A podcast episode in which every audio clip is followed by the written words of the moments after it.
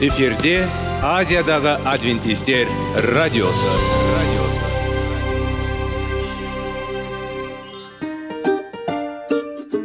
Сәлем достар. Денсаулық өмір бұлағы және біздің бірінші байлығымыз демекші денсаулық сағаты рубрикасына қош келдіңіздер. Біздің рубрикада біз әртүрлі факторларменен мәліметтерменен кеңестерменен бөлісіп шын жүректен сіздердің дендеріңіз сау болғанын қалаймыз. Сол үшін біздің рубрикаға қош келдіңіздер. Дайындалып тұрыңыздар. Өйткені келесі минуттарда қызықты фактілерге ие боласыздар. Енді достар ең бірінші байлығымызды қолымызға алып алға кеттік.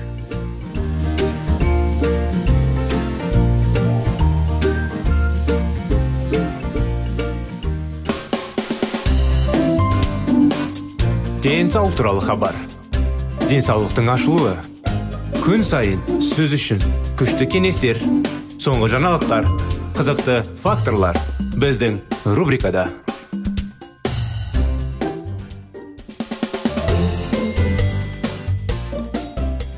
сәлем достар. Ассалаумағалейкум құрметті радио тыңдаушыларымыз сіздерменен бірге денсаулық сағат бағдарламасы. Сіздердің назарларыңызға әрдайым денсаулыққа пайдалы кеңестер мәліметтер фактілер қандай қандай? Денсаулықты күтетін ауруды алдын ала алатындай ауырмауға тырысатындай. Өзімізде жанұямызда әрдайым керемет сезінетіндей әрине болашақта өмірімізді ұзартатындай. Денсаулықты дұрыс күтетін болсақ дұрыс қоректеніп дұрыс тамақты ішіп жаңағы дене шынықтыру жасап жүрсек әрдайым өзімізді керемет сезініп құлпырып әдемі болып жүреміз. И бұл өте қалай енді? Керемет сезім болады ғой. Сондықтан сіздердің назарларыңызға қазір пайдалы дұрыс әдеттер десек те болады дұрыс әдеттер. Бүгінгі күнде дұрыс әдетіміз контрастный душ қабылдау әдеті. Көптеген адамдар сергектік сезініп күн сайын таңертең тамаша көңіл күйде оянғысы келеді. Бірақ аңшылардың шынығуына келгенде үйреншікті өмір салтын өзгерту сәл. Дегенмен біз сіздерге жақсы кеңес бергіміз келеді. Күн сайын контрастты душ қабылдау үшін жаңа әдетті дамытыңыз. Неге біз контраст душ қабылдағанбыз не үшін қабылдауымыз керек? Контрастты душ иммунитетті нығайтуға ықпал етеді. Және түрлі ауруларға қарсы тұруды арттырады. Бұл процедурада жаңағы жүйке жүйесін нығайтады көңіл күйді жақсартады стресс пен депрессиямен күресуге көмектеседі. Таңертең қарама қарсы душ күні бойы сергектік пен қуат береді. Физиологиялық пайдадан басқа қарама қарсы душ психологиялық салаға да әсер етеді. Ол тәртіпті және жауапкершілікті үйретеді. Контрастты душ және де білесіздер ма қандай мәселелерде көмектеседі жағдайларда? Мысалы сіз тұмаурап енді бастап жатқан кезде бірақ әлі температураңыз жоқ кезде соны істесеңіз керемет. Ауырмай ары қарай өзіңіз керемет сезінесіз. Ауруыңыз қашып кетеді сізден дұрыс айтқан кезде. Мен өзім басынан сондай өтті әрине. Жылда мен де ауырайын деп тұмарап жүрген кезінде температура жоқ кезде контрастный душ қабылдадым біраз уақыт бойы. Әрине екі үш күн дей ма кейін жазылып кеттім. Бірақ температура кезінде алдын ала айтып қояйын ертеңгісін деп ойлап қалмаңыздар. Температура кезінде контрастный душ қабылдауға болмайды. Контрастный душ қабылдағанда не болады? Контраст жанның әсері қарапайым тері адамның ең үлкен органы. Және қарама қарсы душпен теріні жаттығып біз рахат алып жаттығамыз және барлық денені жаттығамыз. Бұлшықеттер сіңірлер тамырлар капиллярлар клеткалар жаттығады. Біздің денемізде бір нәрсенің бәрі және метаболизм әлде қайда жылдам бол бастайды. Демек артық салмақ ұзаққа созылмайды. Қарама қарсы душты үнемі қабылдағанда ағза калорияда жағады. Ал тері мен бұлшықеттер бос болса қайтадан серпімді болады жоғалады және целлюлит те жоғалады. Қарама қарсы жаңағындай контраст душ қабылдамаса не болады? Шынығудың классикалық теориясында сәйкес егер адам шығынуға шығынуды тастаса оның әсері біртіндеп азайып жоғалады. Яғни адам бәрі сияқты болады. Өкінішке орай өмір бойы денсаулық заряды қарама қарсы душ бермейді.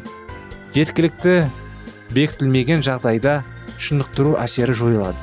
Мысалы екі үш ай бойы контраст душ қабылдап содан кейін оны тоқтатса дененің шынығуы бір бір жарым айдан кейін жоғалады.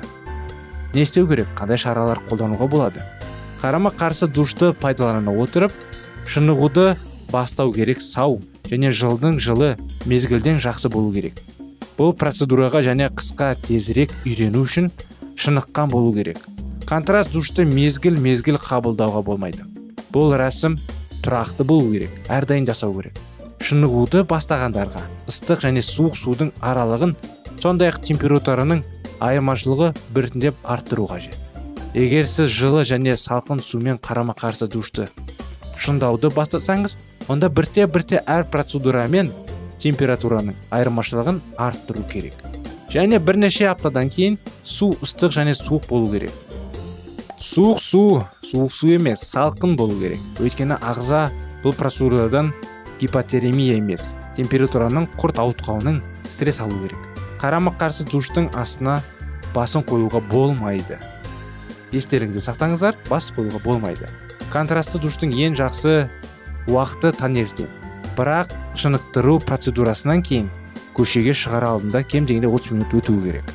Сізге пайдалысын қандай мәселелер қандай жағдайларда қайсы дұрыс қайсы бұрыс жайлы бәрін түсіндіріп айтып бердік. Бірақ оны қалай істеу керек? Мысалы көп адамдар оны түсіне бермейді контрастный душ деген оның нағыз тәсілі таңертең мысалы әсіресе дене шынықтырудан кейін жасаған керемет бірақ дене шынықтыру істемесе ем болмаса контрастный душты істеуге әзірлеуге тырысыңыздар. Душқа кіресіз 30 секунд жоқ кешіріңіздер үш минут бойы денені қыздырасыздар.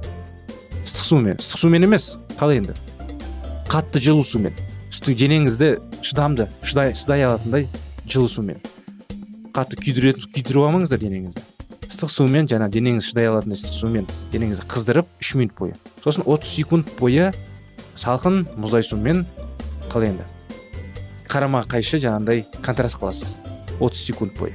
Сөйтіп соны үш мәрте қайталайсыздар. Үш минут бойы ыстық су 30 секунд салқын су. Және де бұндай мәселелер білесіздер ма қай уақыттарда өте пайдалы? Жаңағындай пайдалы дегенде оңайырақ. Жаңағы баня уақыттарында. Баня уақыттарында сіздер енді күні әсіресе көптеген адамдар жыл қатты киініп ыстық банядан кейін шығып кетеді. Сөйтіп жиіне ауырып қалуға да тырысып қалады кей кезде. Оның бәрін болдырмау үшін әрине жазда контрастный душты қабылдап үйреніп баняда да соны істеп қыста да істеуге болады. Қалай?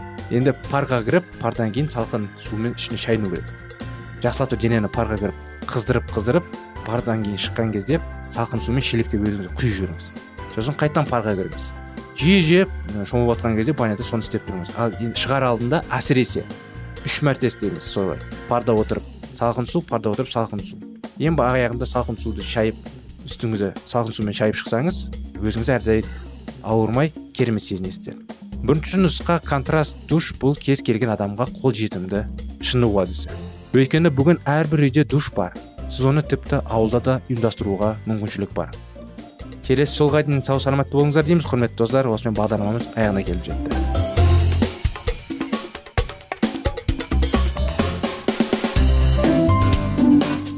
Денсаулық туралы хабар. Денсаулықтың ашылуы. Күн сайын сөз үшін күшті кеңестер соңғы жаңалықтар қызықты факторлар біздің рубрикада.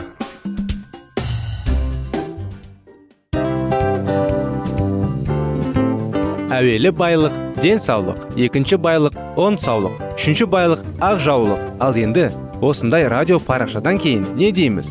Барлықтарыңызға денсаулықтарыңыз зор болсын деп тілейміз. Денсаулықтың өзгеруі кішкентай нәрселерден басталады. Осымен біз берген кеңестер мен мәліметтер шын жүректен сіздер үшін қандай да бір болсын жәрдем берді деп үміттенеміз. Тыңдаушыларымызбен келесі радио парақшасына дейін қоштассамыз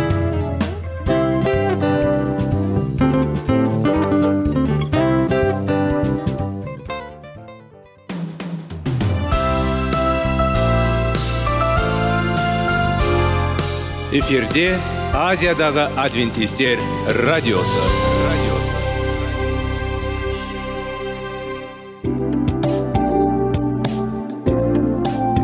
Сәлем достар. Барлықтарыңызға шын жүректен сөйлесек рубрикасына қош келіңіздер деп айтпақшымыз.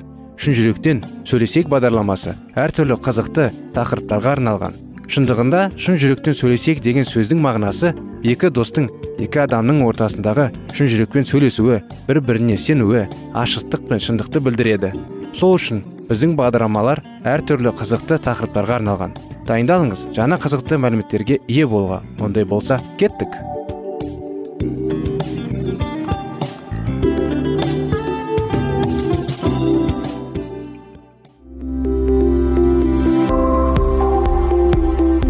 Алтын сөздер. Сырласу қарым қатынас жайлы кеңестер мен қызықты тақырыптар. Шын жүректен сөйлесейік рубрикасында.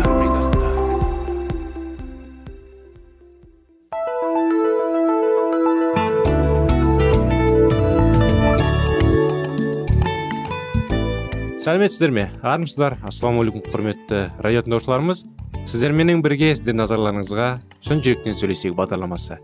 Қош келдіңіздер. Сіздермен бірге шектеулер тақырыбын кітабын жалғастырудамыз. Естеріңізде болса өткен жыл екінші келіспеушілік көнбіс басқаруға ұмтышылы ұмтылушының сұрақтарын жалғастыра кетсек кім меншігінде ие болуы тиіс? Көнбіс адамның өзінің басқарушының мүлдем құрбаны емес екенін өз күшін өз еркімен беріп жүргенін түсінуі қажет. Қарсылық көрсетуден бас тарту. Бұл оның досын басқару тәсілі. Бұған разы болып ол өзінің мінез құлқын өзгерте ме деген үмітпен оның айтқандарын бәрін істеу арқылы көнгіш адам өзінің басқаруға құмар досын басқарады. Ал басқаруға ұмтылушы өзінің жоқ дегенді естігісі келмейтінін және өзгелердің шектеулерінің қабылдауды қаламайтынын мойындауы тиіс. Ол өзінің досына деген қарым қатынасы үшін жауапкершілікті мойнына алу тиіс. Не істеу қажет. Мұндай достықта есесі кететін көнгіш адам. Сондықтан да оның бұл істе өзіне көмектесе алатын адамдармен қарым қатынас жасау керек. Олардың неден басталғандары жөн. Өзінің басқаруды ұнататын досына қарсы тұруға дайындалған көнгіш адам өзі сенінің достарымен көмегімен белгілі бір әрекет жүйесін айқындап алу қажет. Ал басқаруға құмар адам айналасындағылардың шектеулерін сыйлауды үйрене бастау керек. Олар қандай шектеулер орнатулар тиіс? Көнгіш адам өзінің достарынан қатысты келі кітаптың ұстанымдарды қолдануы тиіс. Ол өзінің наразылығын ашық білдіру керек. Досына осындай келесі талпыныстың өзін ара қатынасы үзуге мәжбүр ететінін айтуы тиіс. Өз наразылығын ашық білдіру. Бұл серіктесті таңдау құқығынан айыратын шарт қою емес. Осы арқылы мұндай қатынастың өзін ренжітетін және мұның достықтарына залын тигізетінін білдіріп шектеулер орнатады. Орнатылған шектеулер көнгіш адамды әрі қарайда азап тарта берудің құтқарады. Осы шектеулердің арқасында оны досының тәсілде іске аспай қалады және бұрын көнгіш болған адам.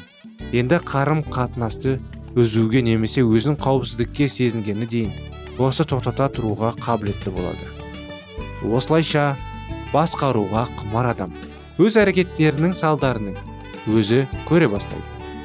Досынан айырылу оны өзгелермен қарым қатынасы жайлы ойлануға және досының кетіп қалуының себебін түсінуге итермелейді ары қарай не болады егер олар ашықтық танытатын болса бұл кезеңде достардың екеуі де өз қарым қатынастарын қайта қарап шығады мысалы мынандай басты ережені белгілеуге болады егер сен мені сынағаныңды қоятын болсаң мен де сенің мазаңды алғаныңды қоямын сонда олардың достықтары қайтадан гүлденеді үшінші келіспеушілік көнгіш өзгенің еңбегін пайдаланушы. Кети бар үмітім сенде. Балаларыма күтуші таба алмадым. Ал менің қауымдағы жиналысқа баруым керек еді. Кетти құрбысы шеронның өтінішін үнсіз тыңдап тұр. Әдеттегі жағдай шерон жұмыстарын алдын ала жоспарламайды. Балаларын күтушін ертелер тауып қоймайды. Ол өзінің кінәсінен орын алатын осындай жағдайларда көмектесуін сұрап кеттиге жиі қоңырау шалады. Кетти оның мұнысының шаршап болды. Шерон мұны әдейі істемейтінін және көмек оған жақсы іс үш қажет болатынын бірақ кетти бәрібір ол өзін пайдаланып жатқанын сезінетін. Оның қалай істеуіне болады. Көнбіс адам мен біреудің еңбегін пайдаланғанды ұнататын адамдарға арасындағы осындай қатынастағы да достық көбіне тұйыққа тіреледі. Шерон нені дұрыс істемейді? Ол құрбысының еңбегін саналы түрде пайдаланбайды. Бірақ ойы қандай жақсы болса да қиын сәтте ол бәрібір достарын пайдаланады. Иә бұндай оқиғалар өте көп жиі кездеседі. Жанұямызда бір бірімізден қолдану достарымызбен тұрмақ бірін аға бауырластарымыздан қолданамыз. Ондай жиі кездеседі жаңағы айта кеткендей достарының бұл қызметінің ол солай болуы тиіс нәрсе ретінде қабылдайды. Ол достары өзіне қызмет көрсетуге міндетті деп санайды. Достары да онымен келісіп не істейсің шерон осындай адам деседі. Олар назарлықтарын іштеріне бүгіп қалады. Келіңіз жоғарыдағы сұрақтарды осы келіспеушілікке қатысты қарастырып көрейік. Белгілері қандай?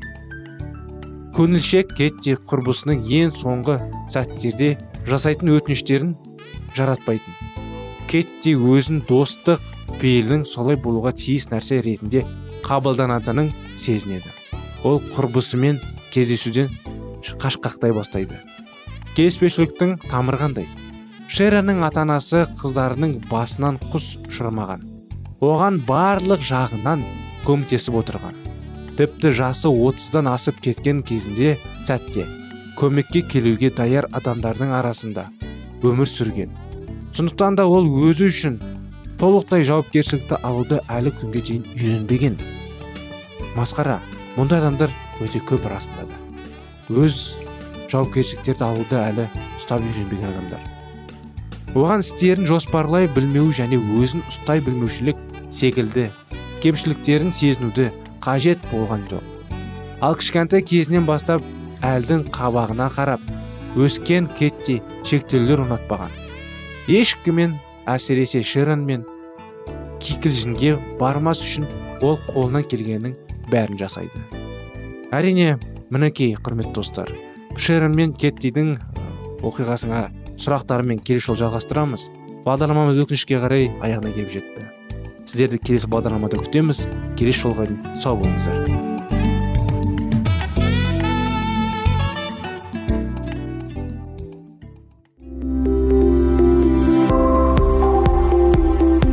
Алтын сөздер.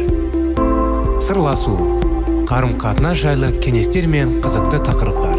Шын жүректен сөйлесейік рубрикасында.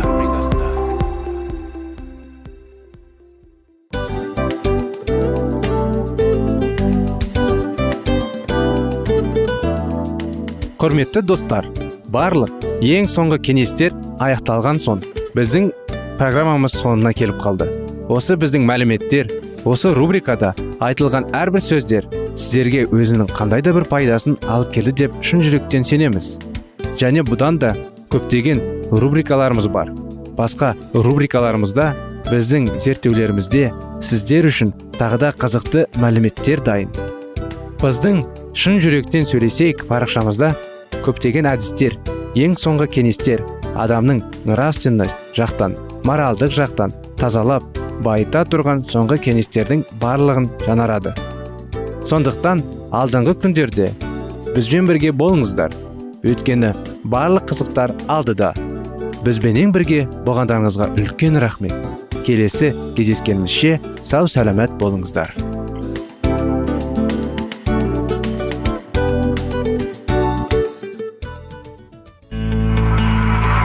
Жан дүниеңді байытқан жүрегіңді жаңғыртқан өмірдің мағынасын ойландырған рухани жаңғыру. Рубрикасы.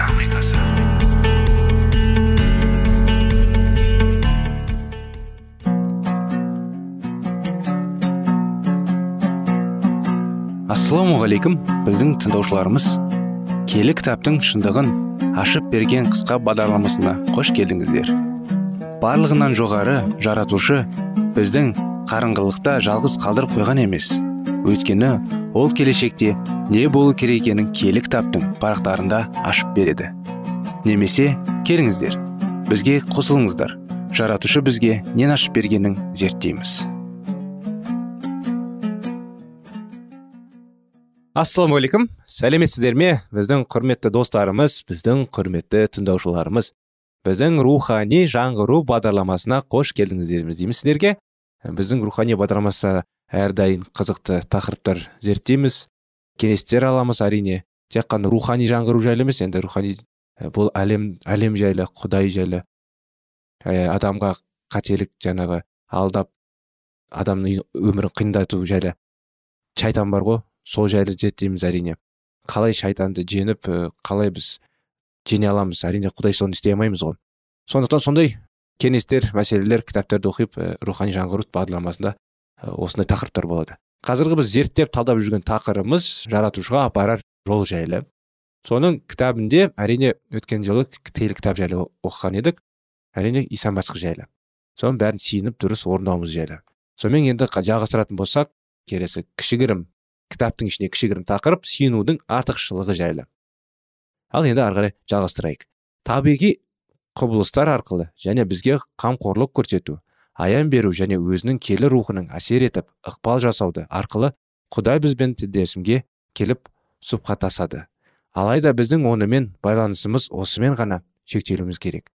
Біздің әрқайсымыз оған өзімізді жан дүниемізбен жүзгенімізді ашуымыз керек. Рухани өмір және тіршілік етуге қажетті күш қуат алуымыз үшін біз өзіміздің көктегі әкемізбен әрдайым байланыста болып сұбханыстап тілдесімізге келіп тұруымыз қажет. Біздің ойларымыз оған бағытталуы керек.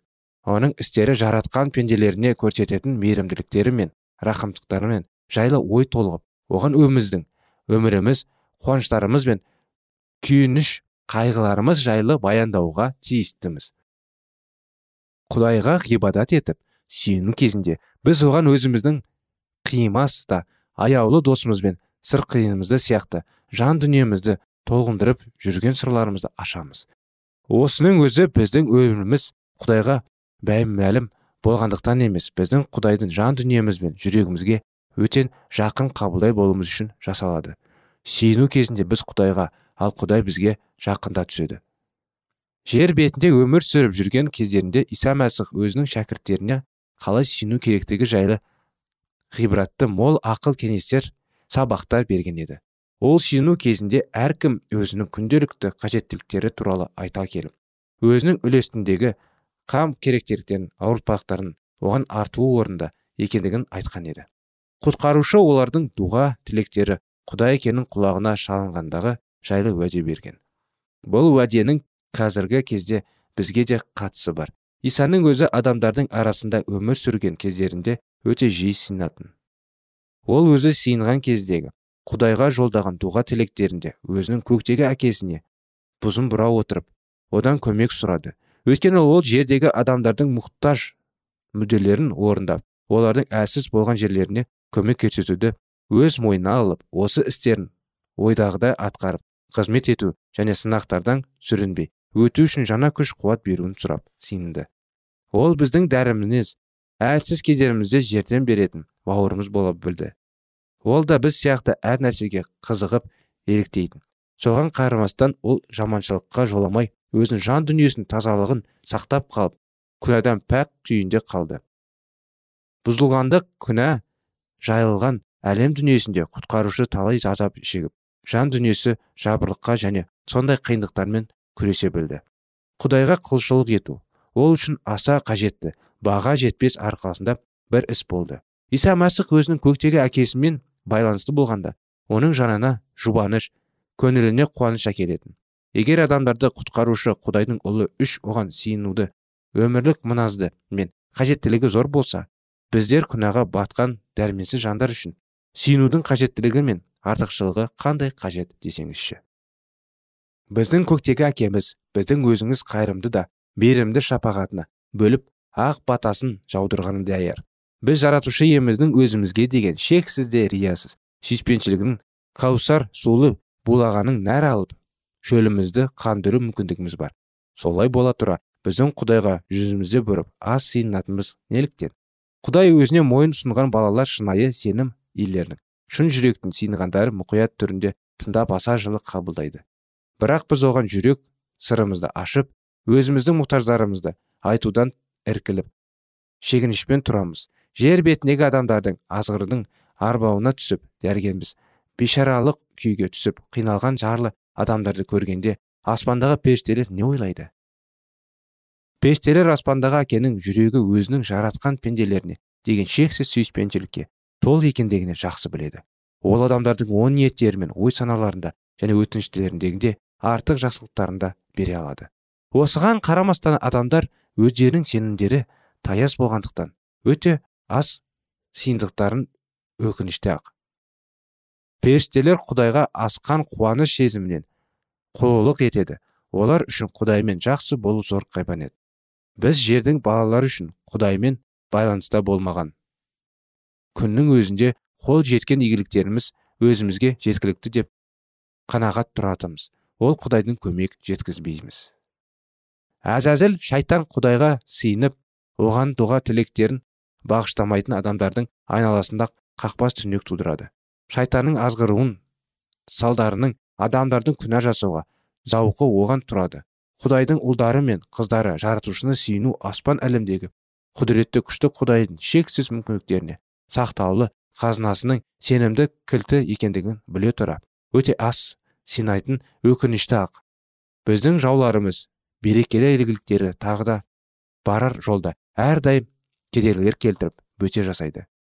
Бұл жерде олар адамдар сеніммен ғибадат етуге сыйынуға немғұрлым қарап өздерінің құмарлық заттарына және алмау үшін қолдарына келінгеннің бәрін жасайды. Мінекей достар сыйынудың маңызы құдайға деген көзқарасымыз құдаймен жақын қарым қатынасымыз жайлы сүйіну арқылы тығыз болатын жайлы айтылып отыр. Әрдайым сыйынсақ бүкіл қиыншылықтарымызды мұқтаждарымызды құдайдың құдайға бағыштасақ әрине иса айтады оның бәрін құдай әкесі естіп оны бізге жауап беруге көмектесуге тырысады дейді. Сүйінуда қиын емес көп адамдар қобалжиды қалай айтамын деп бір екі сөзбен ғана қоя салады. Ең жаңағы басында айта кеткендей сүйінуді екі дос бір бірімен сөйлесіп отырады ғой шын жүректен шын көңілімен сырларын айтып. Сол сияқты құдайға да сырымызды айтып қиыншылықтарымызды айтсақ өте керемет болады ол бізге көмектеседі. Сонымен достар сүйінудің тақырыбы келесі жолы жалғасады. Бүгінге бағдарламамыз аяғына келді келесі жолға дейін сау сәлеметті болыңыздар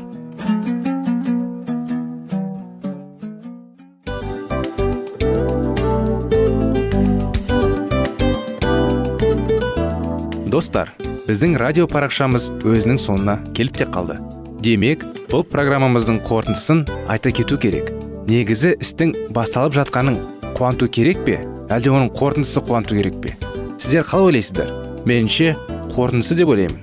Себебі жасаған ісінің жемісін көріп қорытынды арқылы бағалап жүрегін қуантады. Баяғыда айтқандай бидайды сепкенде емес бидайдың жемісін жинаған кейін ыстық нанды жегенде кәдімгідей рахаттанасың ғой. Осымен біздің бағдарламамыздың аяғында тыңдаушыларымыз қандай пайда алды екен деген ойдамыз. Егерде өткен сфераларда пайдалы кеңес алған болсаңыз біз өзіміздің мақсатымызға жеткеніміз. Бүгінгі 24 сағаттың алтындай жарты сағатын бізге бөліп ардағаныңыз үшін рахмет. Келесі кездескенімізше қош сау болыңыздар. Достар біздің бағдарлама бойынша сұрақтарыңыз болса әрине сіздерге керекті анықтама керек болса біздің whatsapp нөмірімізге хабарлассаңыздар болады. Плюс бір үш жүз бір жеті жүз алпыс алпыс жетпіс. Иә достар сіздер қателеспедіңіздер бұл біздің номерлерге ұқсас болмаса да бұл whatsapp номер арнайы. Хабарласыңыздар сұрақтарыңызды қойып тұрыңыздар. Анықтаманы алып тұрыңыздар. Плюс бір үш жүз бір жеті жүз алпыс алпыс жетпіс whatsapp номері.